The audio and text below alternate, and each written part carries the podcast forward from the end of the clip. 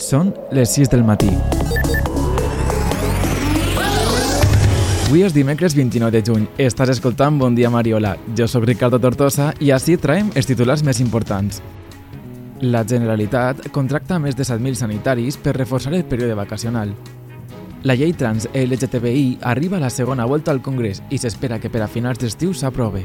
Dona començament la cimera de l'OTAN a Madrid, amb els nous reptes per a Espanya i per al món. L'IBEX 35 es manté a l'alça gràcies a Europa. El nazi més ancià, condemnat a 5 anys de presó per complicitat en l'assassinat de 3.518 persones. El govern dona el sí al cannabis medicinal per a pacients terminals. L'Ajuntament de Vigo multarà tots aquells banyistes que orinen a les platges sense saber encara quins mitjans utilitzaran per detectar-ho. El portaveu del Mundial de Qatar assegura que qui traga una bandera LGTB s'enfronta a 7 o 11 anys de presó. La primera dama de la Casa Blanca i la reina Letícia es troben en la sede contra el càncer de Madrid. Obri el Caixa Fòrum a l'Àgora de la Ciutat de les Arts i les Ciències. El dia 7 de juliol hi haurà una exposició de Da Vinci al Palau Provincial d'Alacant. Aquest dissabte 2 de juliol tornen les paelles al Parc Vila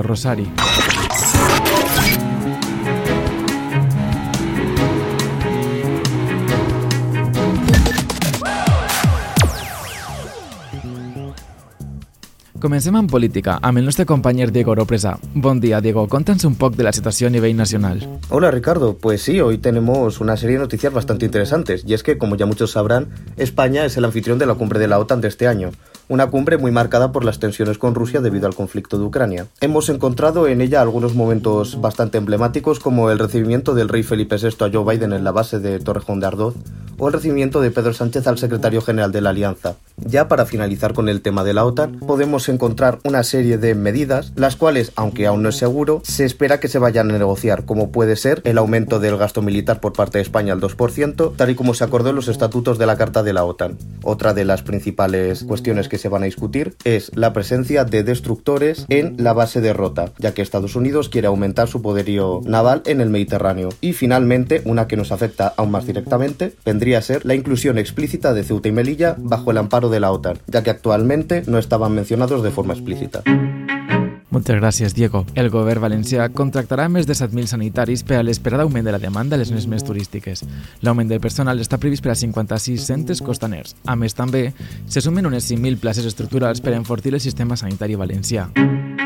La llei trans LGTBI ha passat a la segona volta de forma que les persones trans així obtindran més drets a tenir lliure autodeterminació de gènere, és a dir, sense informe mèdic i a partir dels 14 anys i sense el consentiment parental a partir dels 16. Fins ara, la llei espanyola recollia la transsexualitat com un trastorn, fet que l'Organització Mundial de la Salut ja va deixar de considerar com una enfermetat. D'aquesta forma, les persones trans queden despatologitzades.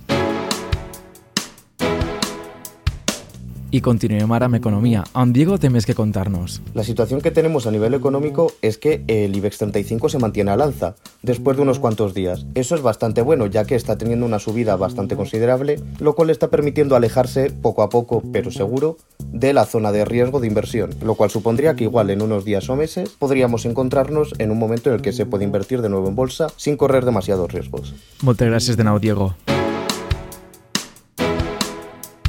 I continuem amb successos. El nazi més vell del món, Schut, amb 101 anys, ha sigut condemnat a 5 anys de presó per haver sigut còmpliç en l'assassinat d'un total de 3.618 persones. Aquest va exercir entre 1942 i 1945 com a suboficial al camp de concentració de Sachsenhausen. Durant més de 30 audiències que va comprometre tot el jutjament, Schut no va mostrar cap mostra d'arrepentiment. L'Ajuntament de Vigo ha dit que muntarà els banyistes que orinen a les platges. El propi Ajuntament no dona detalls de com farà per detectar aquestes persones, però el diari The Time i el francès Le Parisien ja han advertit als seus lectors que si van de turisme a aquesta regió tinguen cura amb aquesta ordenança, que els pot eixir l'acte per 750 euros. Millor fer una consumició a un bar i anar als lavabos. I continuem amb cultura. Recorda que aquest dissabte 2 de juliol són les paelles al Parc Vila Rosario. Aquesta comptarà com tots els anys amb un concurs júnior de menors de 30 anys i un concurs sènior de majors de 30 anys. La inscripció va ser fins al 27 de juny, però encara tens temps de menjar-te una bona paella. Sols per 7 euros pots menjar-ne una. En l'oficina de turisme es venen els tíquets. A més, no sols hi ha paelles, també hi ha música gràcies a la Societat Musical Nanovo que posarà un poc de banda sonora a aquest concurs. I si després t'has quedat amb més ganes de ballar, tens la disco mòbil, així que no patisques que tu passaràs molt bé. I acabem amb ciència. L'Àgora de València, aquest edifici blau que sol estar també molt buit, ara l'agafa del Caixa Fòrum, coneguda per fer moltes exposicions. Una d'elles molt famosa a Catalunya per tindre un capibara. Doncs aquí es podem encontrar al modern, rèpliques faraòniques i algunes també del British Museum. A partir del 7 de juliol es trobaran al Palau Provincial d'Alacant algunes de les maquetes més simbòliques de Da Vinci, unes reproduccions molt fidels fetes per enginyers de la Universitat de Gènova que es contemplen a una exposició que per mitjà de física expliquen com funcionen molts dels invents que més utilitzem avui en dia.